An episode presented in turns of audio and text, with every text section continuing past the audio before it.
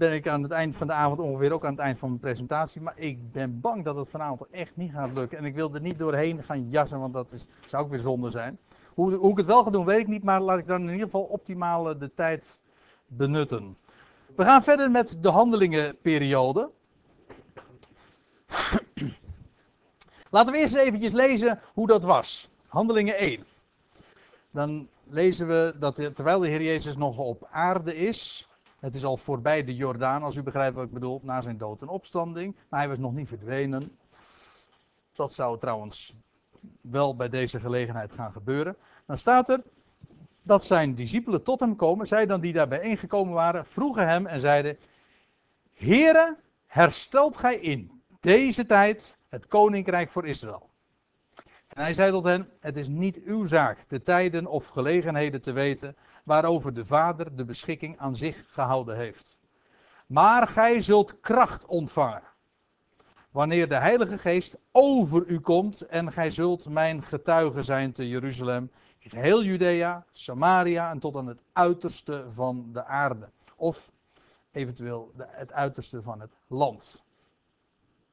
Want aarde en land is in de Bijbel gewoon hetzelfde woord. Eventjes uh, twee dingen, voordat ik verder lees. Uh, deze vraag, hè, dat is eigenlijk de vraag die je ook boven het boek Handelingen zou kunnen zetten. Here, herstelt gij in deze tijd het koninkrijk voor Israël? En de Heer Jezus geeft geen antwoord op die vraag. Hij zegt domweg, het komt u niet toe te weten de tijden en gelegenheden. Aan het eind van het boek Handelingen weten we het antwoord. En dan is het antwoord nee. Maar hier lezen we dat de Heer Jezus, het is niet uw zaak te weten de tijden of gelegenheden. God heeft, zich, heeft zelf namelijk zijn, de beschikking daarvoor uh, aan zich gehouden. Hij zegt maar, gij zult kracht ontvangen. Gij zult, dat betekent gewoon jullie zullen. Hè? Wanneer de Heilige Geest over u komt. Ja, ik, ik, ik zeg dat expres even zo. Gij zult betekent jullie zullen. Want een heleboel mensen die denken meteen: oh, nou moeten we weer wat. Hè? En gij zult de Heer uw God liefhebben. Dat betekent jullie zullen de Heere God liefhebben. Het is een belofte. Het is een belofte. Gij zult kracht ontvangen wil niet zeggen, oh je moet kracht ontvangen. Nee, natuurlijk niet. Je bent leidend voorwerp erin. Onderga je. Het is een belofte. Gij zult kracht ontvangen. Wanneer de Heilige Geest over u komt. Ze hadden de Heilige Geest al ontvangen hoor. Op de dag van de opstanding. Lees het maar na in Johannes 20. Alleen nu kwam de Heilige, zou de Heilige Geest over hen komen. Dat is als een zichtbare manifestatie. Dat lezen we inderdaad tien dagen later op de Pinksterdag. Kwam de Heilige Geest over hen en iedereen zag het ook. Op dat verschil dat kan ik nu verder niet uitwerken. Ik wil er alleen even op wijzen dat er hier staat: de Heilige Geest zou over hen komen. En ze zouden zijn getuigen zijn te Jeruzalem. Om te beginnen in Jeruzalem staat er in Lucas 24 nog bij. Te beginnen in Jeruzalem en in geheel Judea, Samaria. En uiteindelijk tot aan het uiterste van de aarde. En dan het eerste wonderteken dat wordt beschreven in het boek Handelingen. Dat vinden we in Handelingen 3. En dat is dan ook meteen weer zo tekenend. Laat ik het gewoon eens even zo zeggen. Een ruim 40-jarig. Eh, die man was ruim 40 jaar. Hij was vanaf de moederschoot verlamd, lezen we. Een ruim 40 jaar verlamde man, gelegen voor de schone poort, wordt genezen in de naam van Jezus Christus. En dansend en springend gaat hij de tempel binnen. Is eventjes mijn samenvatting, maar lees het maar na in de eerste verse van Handelingen 3. Dan kun je het allemaal zo vinden. Dat is zo tekenend. Een verlamde man staat voor Israël. Ik ga het straks ook laten zien, want als Petrus vervolgens daar op het tempelplein bij deze gelegenheid ook verantwoording gaat afleggen van wat er nou eigenlijk gebeurd is, dan zegt hij ook inderdaad dat het een teken was. Maar die verlamde man was inderdaad een teken van het volk van Israël. Dat ook verlamd was, dat ook niet in staat was te wandelen in Gods wegen. En dan, eh, dan lees je ook, hij lag daar bij de schone poort. Dat een geweldig uitzicht. Ja. Nou, dat is precies ook met het volk Israël. Het, boek, het volk Israël, daar in het boek Handelingen, is inderdaad een verlamd volk. Ongelovig nog steeds. Ze kent de Messias niet. Verlamd. Niet in staat werkelijk om Gods weg te bewandelen. Maar ze liggen daar bij de schone poort. Een geweldig uitzicht, want het koninkrijk staat op het punt aan te breken. En de oproep is: gelooft in hem. En dat is precies wat die man ook doet hè, bij, die, bij die schone poort. Ja, hij kijkt op. Hij kijkt op in verwachting. Naar uh, Petrus en Johannes die daar voorbij gaan. En die zeggen dan: zilver en goud hebben we niet, maar wat we hebben, dat geven je. In de naam van Jezus Christus, sta op. En hij staat op en dan moet hij eerst een tijdje gaan revalideren, weet u wel. Denken wij dan, want zo gaat dat vaak in charismatische toestanden. Zeggen nou, dat, ik, ben, ik ben wel genezen. Nou ja, nog niet 1, 2, 3 hoor, het ging allemaal niet zo goed. En ik moet nog eerst eventjes revalideren. En uh, dan, ga ik, uh, dan moet ik eerst over een half jaar nog eens voor controle naar de dokter. En dan mag ik misschien. Zo. Ik heb dit soort verhalen al zo vaak gehoord. Over dat soort dat soort merkwaardige genezingen. Het staat, zo, het staat zo in schril contrast met zoals je dat in de Bijbel leest. Want die man die, hij was verlamd vanaf, vanaf de moederschoot, had dus nog nooit gelopen. En wat doet die man? Hij, er wordt, hij wordt opgericht en hij springt en hij danst. Dat is gewoon een nieuw leven. Dat is, dat is echt een godswonder. Dat is iedereen wat. Hè? Dat is een wonder, ja. Een wonder boven wonder. Kan niet missen. En hij wandelt zo de tempel binnen. Nou, wat ik wil, wil zeggen, deze man is gewoon, wordt hier ten voorbeeld gesteld aan het volk van Israël. Ook gelegen bij de schone poort. De poort met dat geweldige uitzicht. Ze waren verlamd, maar als ze op zouden zien naar boven. En in de naam van je, op de, eh, tot de naam van Jezus Christus, dan zouden ze inderdaad ook opgericht worden, hersteld worden en nieuw leven ontvangen. En zouden ze zo het Messiaanse koninkrijk binnenwandelen. Echt waar, binnenhuppelen. Zeg het maar gerust zo. Want wat zal hun aanneming, een citaat uit Romein 11, wat zal hun aanneming anders wezen dan leven uit de doden? Nou, en dat dit inderdaad de, het idee is dat dit getekend wordt, dat dit gedemonstreerd wordt, blijkt wel. Want Petrus gaat vervolgens uh, op een verhoging kennelijk staan, of hij staat op, te midden van die menigte die daar te hoop loopt. Want ja, ze, kenden die man allemaal, want die, zat, die lag daar dagelijks bij, de, bij die poort. En hij was, dat was zo evident als het maar kan. Hij was genezen. Een godswonder. En dan, en dan gaat uh, Petrus zich verantwoorden. Hij zegt van ja, waarom dat nou zo gebeurd is. En dan zegt hij, en ik loop, en het is midden in het verhaal hoor, moet u me maar even niet kwalijk nemen.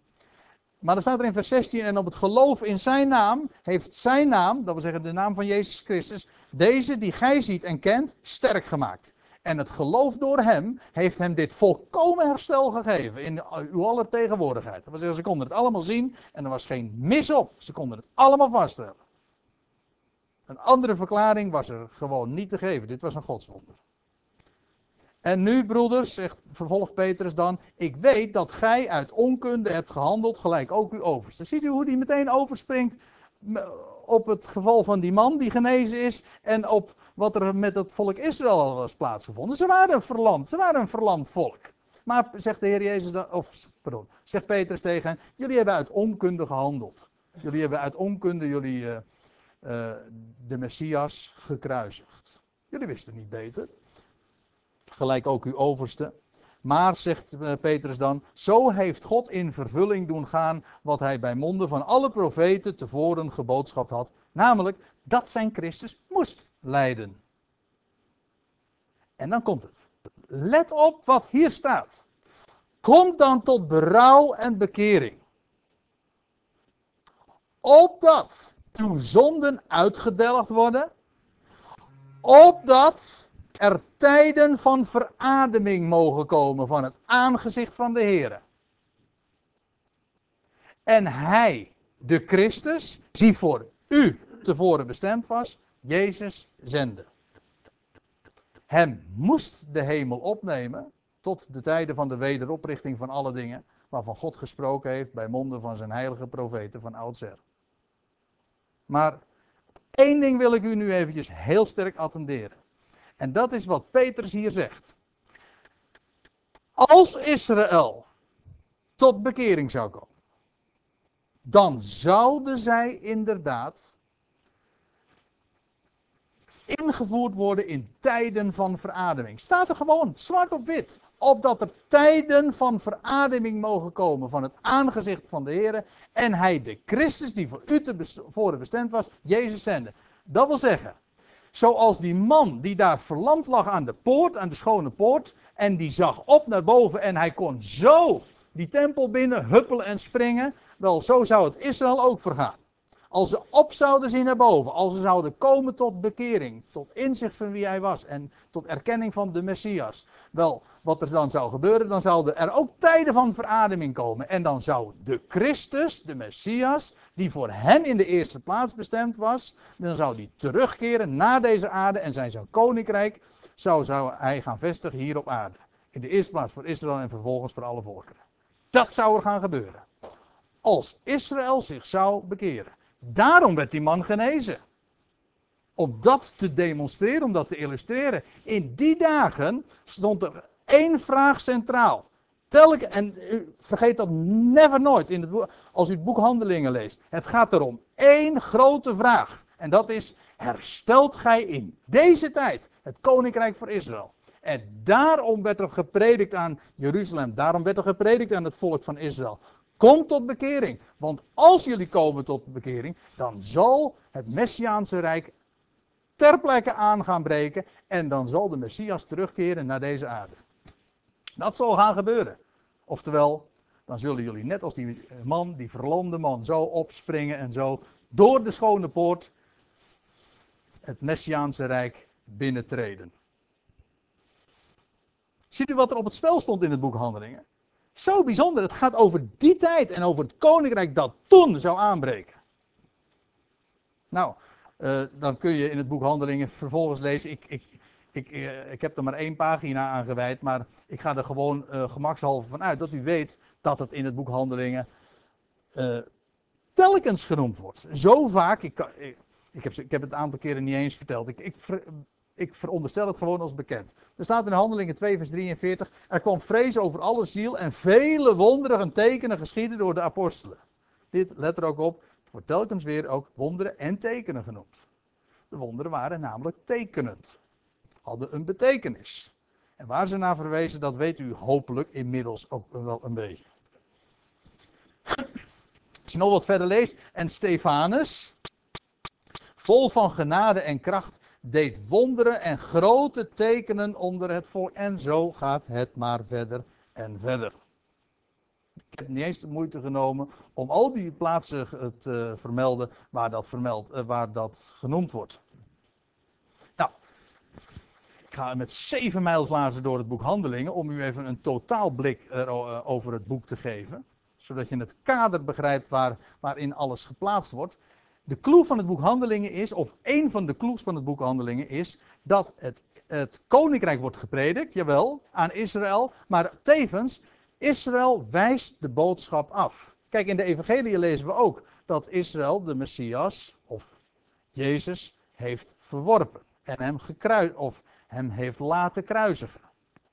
Maar nu in het boek Handelingen is hij inmiddels op, is de Heer Jezus opgestaan uit de doden maar verwerpen ze hem opnieuw. Maar toen, inmiddels, wisten zij dat hij de Messias was. Israël wijst de boodschap af. Dat had ook weer zijn redenen. Maar daar gaat het nu even niet om. Het, ik stel, het gaat me nu alleen maar even om de vaststelling. Israël wijst het evangelie op, af van de opgestane Messias. Opnieuw dus. Niet alleen maar door, uh, door hem te verwerpen, maar door, door nu de boodschap te verwerpen dat hij de Messias is, de gezalfde, de opgestane en de verheerlijkte. Nou, officieel vind je dat beschreven in Handelingen 7, toen de Hoge Raad, het Sanhedrin, het Sanhedrin van Jeruzalem, eigenlijk de regering van Jeruzalem dus, Stefanus stenigde. Geen andere gelegenheid hebben we daar wel eens wat dieper op uh, ingegaan, herinner ik me. Maar ik wijs er nu even op dat, dat ook uh, hierin alles weer heel erg tekenend is, want Stefanus betekent kroon. Ja, ze verwerpen de koning, de gekroonde. Daar staat Stefanus ook voor. En eigenaardig genoeg, of zal ik in dit verband zeggen, tekenend genoeg, is het dat juist bij deze gelegenheid de latere Paulus, hier was het nog Saulus natuurlijk, de latere Paulus in de picture komt. Ja, hier was het nog dat hij de, de jassen, eh, hoe, noemden we het de vorige keer ook weer? Oh ja, hij was de jasbeschermer, ja. De, ja, we hadden er nog een, uh, een woordgrapje over. Hij zat in de mantelzorg, was niet uh, Kobe. Even, uh, aan hem waren de mantels toevertrouwd. van het Sanhedrin, van de leidslieden van het volk. En het was Saulus die daarop lette. Daar zit ook nog weer van alles aan vast, maar daar ga ik allemaal eventjes aan voorbij. Dat is namelijk heel erg mooi hoor. Alles is daarin tekenend.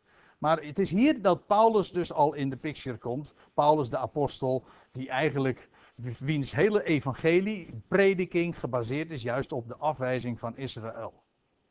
Daarom was hij ook apostel der heidenen. Fijn. En eh, ja, als je het op deze manier doet, gaat het heel snel hoor. Handeling, handeling 28 als slot. Dat vind ik wel erg leuk. Ook, dat is ook een woordspeling, want handeling 28 is het laatste hoofdstuk van handelingen. Maar het is ook met recht een slot, want de deur gaat daar dicht. En valt ook in het slot. God zij dank is daar iemand die een sleutel heeft en die de sleutel maken kan. Hè? Ja, dat is een Bijbelse liedje hoor trouwens. Maar die de sleutel maken en die ook inderdaad de, de, de deur die op slot is weer te zijner tijd gaat openen. Dat wel. Maar in Handeling 28 viel de deur in het slot. Daar lees je echt. Uh, daar is het definitief. Tussen aanhalingstekens. Maar voorlopig definitief. Dat Israël inderdaad niet luistert naar de boodschap. En inderdaad het evangelie afwijst. Ik zal het voorlezen. In Handeling 28. Dan lees je, in dat zijn de laatste versen van het boek Handelingen. En zonder het eens geworden te zijn, Paulus had eh, een afspraak gemaakt met de Joodse leidslieden in Rome. Een hele dag hebben ze daar bijbelstudie gedaan. En Paulus heeft hun allerlei dingen op het hart gebonden. Maar hij stuitte daarop zoveel weerstand. En zoals dat wel vaker gaat met bijbelstudies. En zonder het eens geworden te zijn, gingen zij uiteen. Nadat Paulus dit ene woord gesproken had, Terecht heeft de Heilige Geest door de profeet Jezaja tot uw vaderen gesproken. En nou citeert hij niet Jezaja 61, maar Jezaja. Uh, nee, uh, 6 ja. Je hebt, ja, gelijk. Jezaja 6. Zeggende, ga heen tot dit volk, Israël dus, en zeg, met het gehoor zult gij horen en gij zult het geen zins verstaan. En ziende zult gij zien en gij zult het geen zins opmerken. Want het hart van dit volk is vet geworden. En dat wil zeggen, ze hadden alles al. Of ze meenden alles al te hebben en dus konden ze er niks meer bij hebben. Dat is het idee. Een verzadigd mens, staat er ergens in spreuken, vertreedt honingzee. Nou, dat was het uh, wat hier ook aan de hand was. En hun oren zijn hardhorend geworden en hun ogen hebben zij toegesloten. En dan staat erbij, opdat zij niet zien en met hun ogen. Eh, pardon. Opdat ze niet zien met hun ogen en met hun oren niet horen. En met hun hart niet verstaan. En zij zich bekeren. En ik hen zou genezen. Want dat is waar het toch allemaal om ging in het boek Handelingen. Het herstel van het koninkrijk voor Israël. Nou, hier aan het einde van het boek Handelingen wordt vastgesteld, dus het slot zal niet gebeuren. Ze geloven het niet. Ze zijn, hun oren zijn, zijn dicht, hun ogen zijn toegesloten. En ze kunnen zich nu niet meer bekeren. Zodat ik hen zou genezen. Zodat ik hen zou herstellen. Dus was het in handelingen 1 nog de vraag: herstelt gij het in deze tijd, het koninkrijk voor Israël, in onze dagen, in onze generatie? Aan het einde van het boek Handelingen, een aantal decennia later, zegt, stelt Paulus heel expliciet vast en dat is tevens de afsluiting van het boek Handelingen. Want ja, daarmee is eigenlijk het antwoord gegeven op de, vraag, de grote vraag van het begin. Israël wordt niet hersteld. En dan zegt Paulus nog in Handelingen 28, vers 28. Het zij u dan bekend dat dit heil Gods aan de heidenen gezonden werd. En die zullen dan ook horen. Let er trouwens even op dat er staat horen. Hè? Want vanaf dit ogenblik is het geen zien meer, maar horen. Tot die tijd was het inderdaad een massale hoeveelheid tekenen die gezien werden. Dat was, dat was ook inderdaad sensationeel. Er werd zoveel waargenomen. met, met, de zintuigen, met de, ik bedoel met de, met de ogen. Zichtbare tekenen. En nou zegt Paulus aan het einde van het boek Handelingen. Israël wordt niet hersteld. De wondertekenen die allemaal in het teken stonden van het herstel van Israël en de komst van het koninkrijk. Dat is voorbij. De deur is in het slot gevallen. En nu gaat het heil Gods naar de heidenen. En naar de Joden die onder de heidenen verstrooid zijn. Want het zou niet lang duren dat de, Joden, de Joodse staat definitief ook een eind, uh, aan, een, aan een eind gebracht zou worden. En dan vervolgens zegt, zegt Paulus, zij zullen horen. Het gaat niet meer om zien, maar om horen. En dan lees je vervolgens nog, hij bleef, Paulus, de volle termijn van twee jaar in zijn eigen gehuurde woning. Hij ontving alle die tot hem kwamen. Ja, waarom nou die twee jaar? Nou, het kan niet zijn. Het is ook nog een verborgen heenwijzing naar de tijd van de verborgenheid. De tijd waarin het koninkrijk verborgen zou zijn. Want na de twee zou, krijg je de drie. En na de twee dagen van duizend jaar zou inderdaad het koninkrijk alsnog gevestigd worden en zou de deur geopend worden. Ik geef toe, wat ik nu zeg, dat kan ik nu allemaal niet toelichten, maar ik wijs er eventjes op, sta, uh, wijs er even op dat er staat, hij verbleef de volle termijn van twee jaar en dat was echt niet voor niks. En ik ben blij dat wij nu, anno 2006, bijna aan het einde van die volle termijn leven.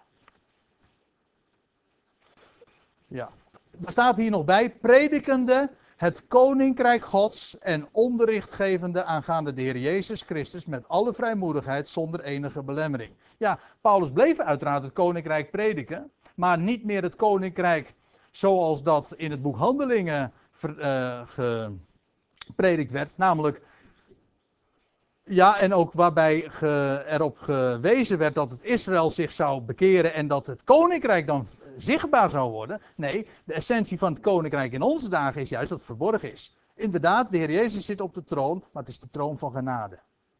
En genade, eh, als waar genade heerst, daar wordt niet ingegrepen. Nou, dat is precies wat er vandaag gebeurt. Onrecht, uh, het kan allemaal geschieden. Er wordt niet ingegrepen. God heerst vandaag in genade. Hij zwijgt. Hij verbergt zich. En mensen zeggen: waar is hij? En wat zie je nou van zijn koninkrijk? Helemaal niets. Dat is juist ook karakteristiek voor zijn koninkrijk. Maar gelukkig hebben we dan nog de christelijke politiek, hè, die dat koninkrijk dan toch nog een klein beetje zichtbaar probeert te maken.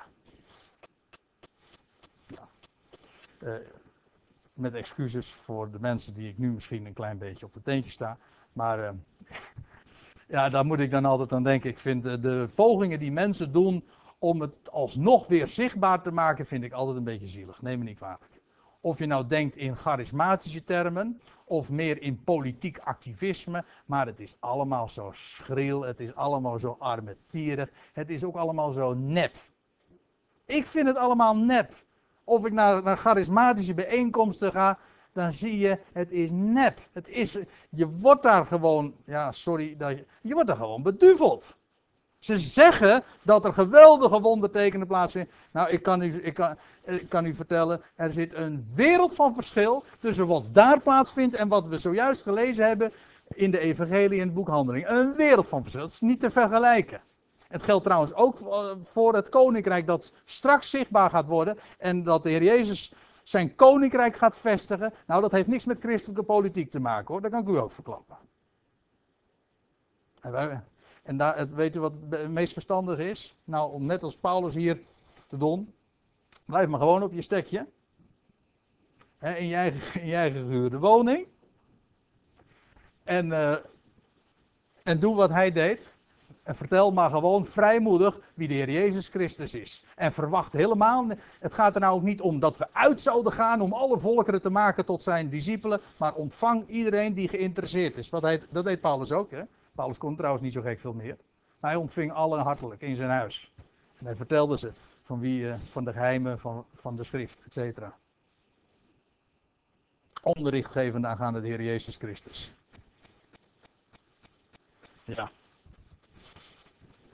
Daar kan ik ook niet laten om daar toch ook nog even op te wijzen. 1 Korinthe 13. Zo blijven dan geloof, hoop en liefde. Want de vraag dringt zich natuurlijk op van ja, als er zoveel verdwijnt. Als, als al die, die dingen die we in het boek Handelingen dan tegenkomen.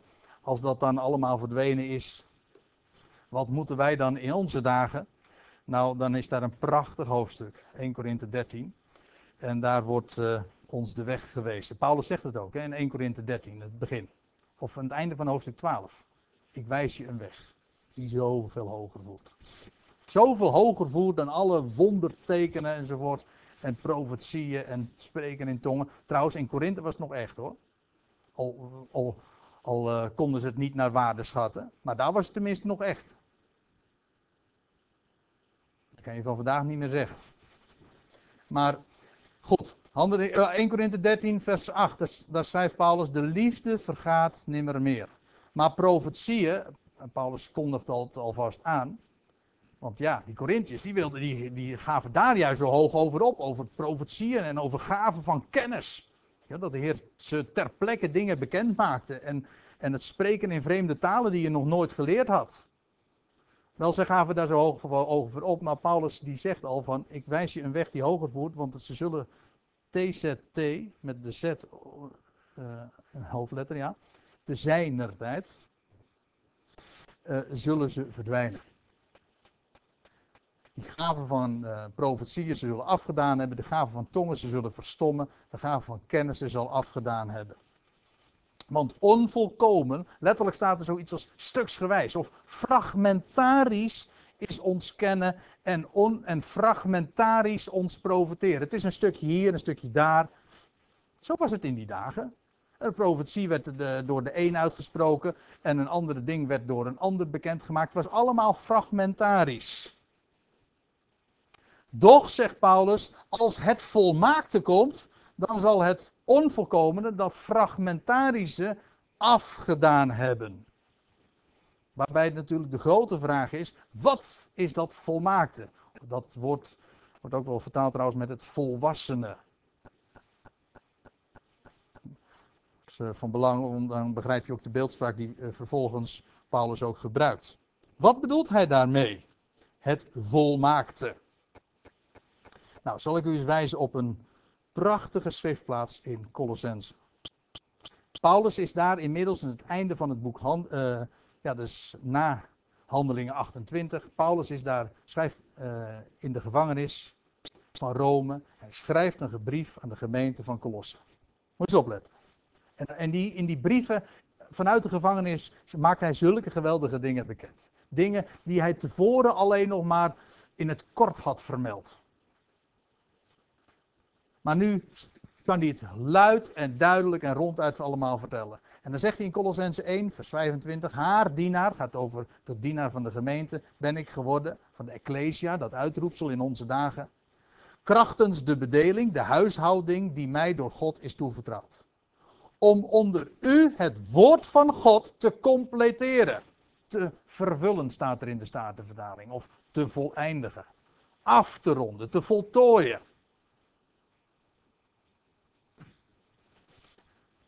En het geheimenis dat eeuwen, aionen en geslachten lang verborgen is geweest, maar thans geopenbaard aan zijn heiligen.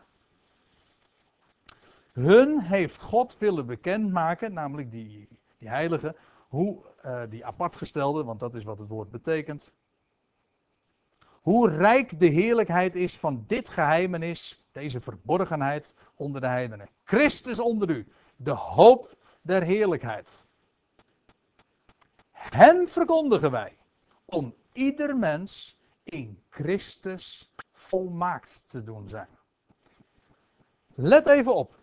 Het woord wat hier gebruikt wordt, volmaakt, is exact hetzelfde als wat in 1 Korinthe 13 vers 10 ook gebruikt wordt.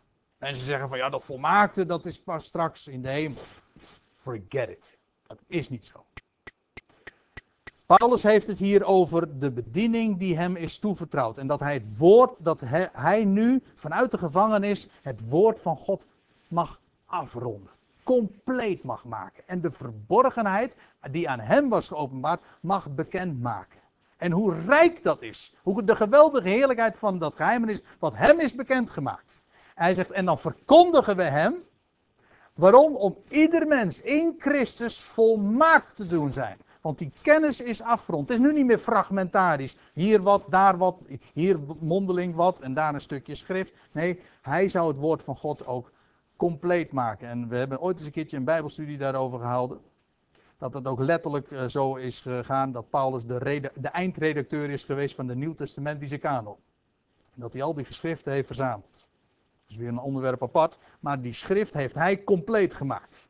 Afgerond, volmaakt, zodat we een volmaakte kennis hebben in die heilige schriften. Dan schrijft Paulus nog een twee versen verder. Opdat zij, hè, om in Christus volmaakt te doen zijn, opdat zij in de liefde verenigd worden tot alle rijkdom van een volledig inzicht. En zij het geheimenis van God mogen kennen. Het woordje epignosis.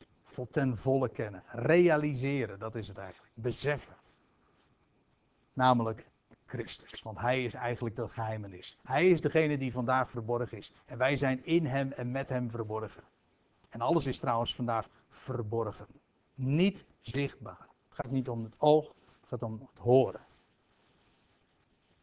Christus, in wie al de schatten van wijsheid en kennis verborgen zijn. En nou gaan we weer even terug naar 1 Korinthe 13. Nou, eigenlijk niet, want ik zit echt te vechten met de tijd. Want uh, dan wil ik het toch even zo afronden. Paulus vervolgt dus in 1 Korinthe 13. we hadden zojuist even de vraag gesteld: wat bedoel je nou met het volmaakte? Wel, in Colossense 1 geeft Paulus daar antwoord op. Dan gaat hij verder in 1 Korinthe 13. Zegt hij: Toen ik een kind was, sprak ik als een kind, voelde ik als een kind, overlegde ik als een kind. Nu ik een man ben geworden, heb ik afgelegd wat kinderlijk is. Want nu zien wij nog door een spiegel in raadselen. Doch straks van aangezicht tot aangezicht. Nu ken ik onvolkomen. Fragmentarisch. Maar dan zal ik ten volle kennen. Hier gebruikt hij ook weer dat woordje epignosis. Hetzelfde woord als in Colossense. Zoals ik zelf gekend ben. Paulus verwijst hier dus naar, naar de tijd van de volwassenheid. Naar het volmaakte. Dat zou komen als de kennis volkomen zou zijn. En als, de, als het volmaakte is gekomen, de als het woord van God compleet is. En het geheimenis volkomen bekend is gemaakt, dan is de kennis niet meer fragmentarisch, maar dan kennen we het allemaal ten volle. Want het is allemaal geopenbaard in de schrift. En dan heeft het de kinderlijke fase, zoals we die nog kennen in, het Nieuwe, in de tijd van het Nieuwe Testament, waarbij de kennis nog fragmentarisch is, is voorbij. En de tijd van de volwassenheid als gemeente, als collectief, is dan aangebroken. En dan zegt Paulus, zo blijven dan geloof, hoop en liefde. Deze drie maar de meeste van deze is de liefde. En ik hoop dat u begrijpt wat, het, wat hier in, 1 Korinthe 13 naar voren brengt. Ik zal het eventjes wat uh, systematisch zeggen, maar voordat ik dat doe, wil ik nog even op iets anders wijzen. Want dat, wat ben ik nog vergeten. Kijk, hij zegt, zo blijven dan geloof, hoop en liefde. Deze drie, maar de meeste van deze is de liefde. Maar één ding moet ik, moet ik u dan wel vertellen van geloof en hoop weten we dat ze uiteindelijk ook niet zullen blijven. Kijk, en dat is wat ik bedoel uh, met, uh, met dit citaat uit 2 Korinthe 5. Dat is een van de vele voorbeelden. Paulus zegt daar: Wij wandelen nu in geloof, niet in aanschouwen. Kijk, als we straks, als straks de Heer zal komen. En we bij Hem zullen zijn en Hij geopenbaard zal zijn in heerlijkheid. Dan wandelen we niet meer in geloof. Nee, want dan aanschouwen we het. Dan is het geloof verwisseld voor het aanschouwen. Dus als Paulus zegt in 1 Corinthië 13, zo blijven dan geloof, hoop en liefde, dan doelt hij niet op de eeuwigheid of zo. Nee, want dan is er geen geloof meer. Want dan, ah, straks, als de Heer geopenbaard als wij geopenbaard zullen worden met Hem in heerlijkheid, dan zullen wij zien. En dan wandelen we inderdaad in aanschouwen. Gewoon. Letterlijk. Dat geldt voor de hoop ook. De Kijk, nu verwachten wij. Straks is die verwachting verwisseld door werkelijkheid. Is de verwachting gerealiseerd. Paulus schrijft in Romeinen 8, vers 24. Want in die hoop, in die verwachting. Vind ik een mooi woord hoor, verwachting. Hoop, dat klinkt altijd nog een beetje. Dat hangt een beetje in de lucht. Koop het. Hè? Nou, dan weet je, als je het hoopt, dan. Er wordt zoveel gehoopt. Hè? Maar wat, wat, wat koop je ervoor? We hebben verwachting. Maar goed. Want in die verwachting zijn wij behouden. Maar verwachting, die hoop die gezien wordt, dat is geen hoop. Want hoe zal men hopen op hetgeen men ziet? Hoop of verwachting heeft altijd te maken met de toekomst. Maar als die toekomst eenmaal werkelijkheid zal zijn, dan is het geen hoop meer. Dan, nee, dan is de hoop inmiddels vervuld. Met andere woorden, als Paulus zegt in 1 Korinthe 13: Zo blijven dan geloof, hoop en liefde, dan doelt hij juist op deze tijd. Kijk, en hij had het over dingen die zouden hebben afgedaan, en dan zal ik het eventjes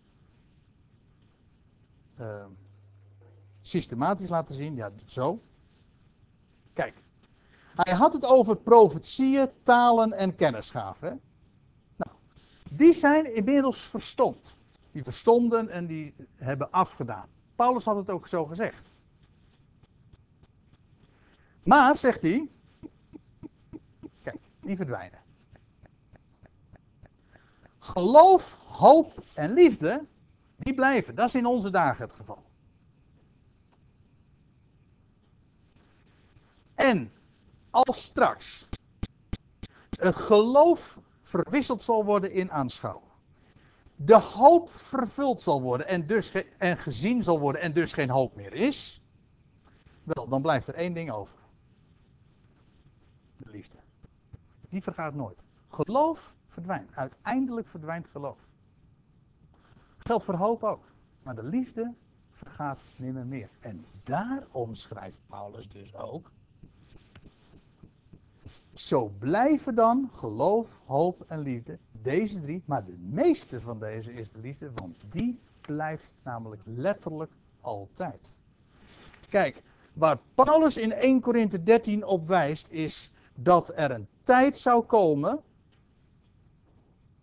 dat de tongen, die, die vreemde talen en die profetieën en die gaven van kennis zouden hebben afgedaan. En hij bereidt hen daar al op voor. En hij zegt van, dit heeft allemaal nog te maken met de kinderlijke fase. Als straks de gemeente volwassen zal zijn geworden, wel, dan zullen we het volmaakte kennen. Het complete woord van God. Niet meer fragmentarisch, maar het geheel zal geopenbaard zijn. Zwart op wit zal het staan geschreven. En dan kunnen, kennen we inderdaad van aangezicht tot aangezicht. Dat is het volmaakte. En in die tijd, wel, dan zal inderdaad het, het onvolkomene hebben afgedaan. Maar niet getreurd, integendeel. Want dan zal het dan zal, waar het dan op aan zal komen, is geloof. Hoop en liefde. Dat is in onze tijd het geval. Eigenlijk sinds de, de completering van het Nieuwe Testament Sinds dat het volmaakte gerealiseerd is, is dat waar het om gaat. Zo blijven dan. André heeft inmiddels afgedaan. Een heleboel mensen die proberen dat vandaag, en dat is juist zo actueel. En we moeten nagaan hoe men verkeerd, hoe men verkeerd georiënteerd is. Toen was men tenminste nog gericht op dingen, op het conserveren van dingen die echt waren. En Paulus bereidt hen erop voor dat het eenmaal zou hebben afgedaan. En inmiddels heeft het al lange breed afgedaan. En weet je wat ze vandaag proberen? Om het allemaal, dat wat ooit echt was, weer te gaan restaureren. En het is allemaal nep. Het namaak. Gaat om geloof, hoop en liefde. En hoe je daarbij ook enorm kunt vergissen. Wel, we lezen in de Bijbel ook, en dat is trouwens helemaal niet meer het onderwerp van vanavond. Maar we lezen ook dat in de binnenkort er valse profeten zullen opkomen. En we lezen in 2 Thessalonicense 2, ik heb het niet eens afgedrukt, maar in 2 Thessalonicense 2 dat de komst van de wetteloze, en dan gaat het over die man die ook helemaal nep zal zijn, de, de, de antichrist. Dat wil zeggen degene die in de plaats van Christus als Christus zal zijn, die zich zal presenteren in de Messias. Als de Messias in Jeruzalem zich zal vestigen, het net echt zal lijken. Hij zal ook het Messiaanse koninkrijk in het Midden-Oosten gaan proclameren. Het zal net echt zijn. En weet u wat er staat in 2 Thessalonians 2? Ik had het even toch afgedrukt moeten hebben. Maar goed. 2 Thessalonians 2 vers 9 geloof ik dat het is. Daar staat er dienstkomst van die wetteloze. Let erop, hij gaat komen straks. Dienstkomst is naar de werking van de Satan. Van, met, uh, met, nou moet ik het even goed citeren. Het is het laatste wat ik, uh, waar ik nog even op wijs. 2 Thessalonicense 2 vers. Ja, vers 9 ja. Dan, uh, Daarentegen is dienstkomst, de komst van die wetteloze, naar de werking van de Satan, van de tegenstander dus, met allerlei krachten, tekenen en bedriegelijke wonderen. En met allerlei verlokkende ongerechtigheid voor hen die verloren gaan, omdat ze de liefde tot de waarheid niet aanvaard hebben. Ja, dus de waarheid wordt aan de kant geschoven, gewoon de waarheid ook van de schrift. En waar men vervolgens achterna gaat lopen. En je ziet het gewoon voor je ogen vandaag al gebeuren. De, de, hele christenheid wordt al helemaal klaar gemasseerd daarvoor. De waarheid wordt aan de kant geschoven. Gewoon de schriften, dat wat zwart op wit staat geschreven, dat, dat wordt niet meer gehoord. En vervolgens gaat men helemaal blindelings achter die geweldige wonderdoeners aan. Een spektakel enzovoorts. Krachten, wonderen en tekenen. Exact hetzelfde als wat je ook leest dat de Heer Jezus deed. Krachten, tekenen en wonderen. En van de apostelen lees je het ook. En het gaat weer komen. Let op. Maar het komt wel uit de koker van de Satan. En daarom uh, moet je, eh, ben ik er bepaald niet gerust op, maar dat was u al lang duidelijk. Over wat er zo plaatsvindt in die hele charismatische beweging, want het is inderdaad nep. En het is, uh, mis, het is misleidend en het is niet gebaseerd op wat er in de schrift staat. En straks gaat er trouwens ook nog wat anders gebeuren en dan gaat Mozes en Elia komen. Ja, hoezo Mozes en Elia? Nou, dat is hier natuurlijk inmiddels al lang duidelijk. En die zullen gaan prediken in Jeruzalem en zo. Ik had er nog wat over willen zeggen, maar het is tien uur en ik ben blij dat ik toch het nog heb kunnen afronden. Al heb ik Dick Windhorst vraag niet meer kunnen beantwoorden. Volgende keer, oké. Goed, ik hoop dat u een en ander duidelijker is geworden.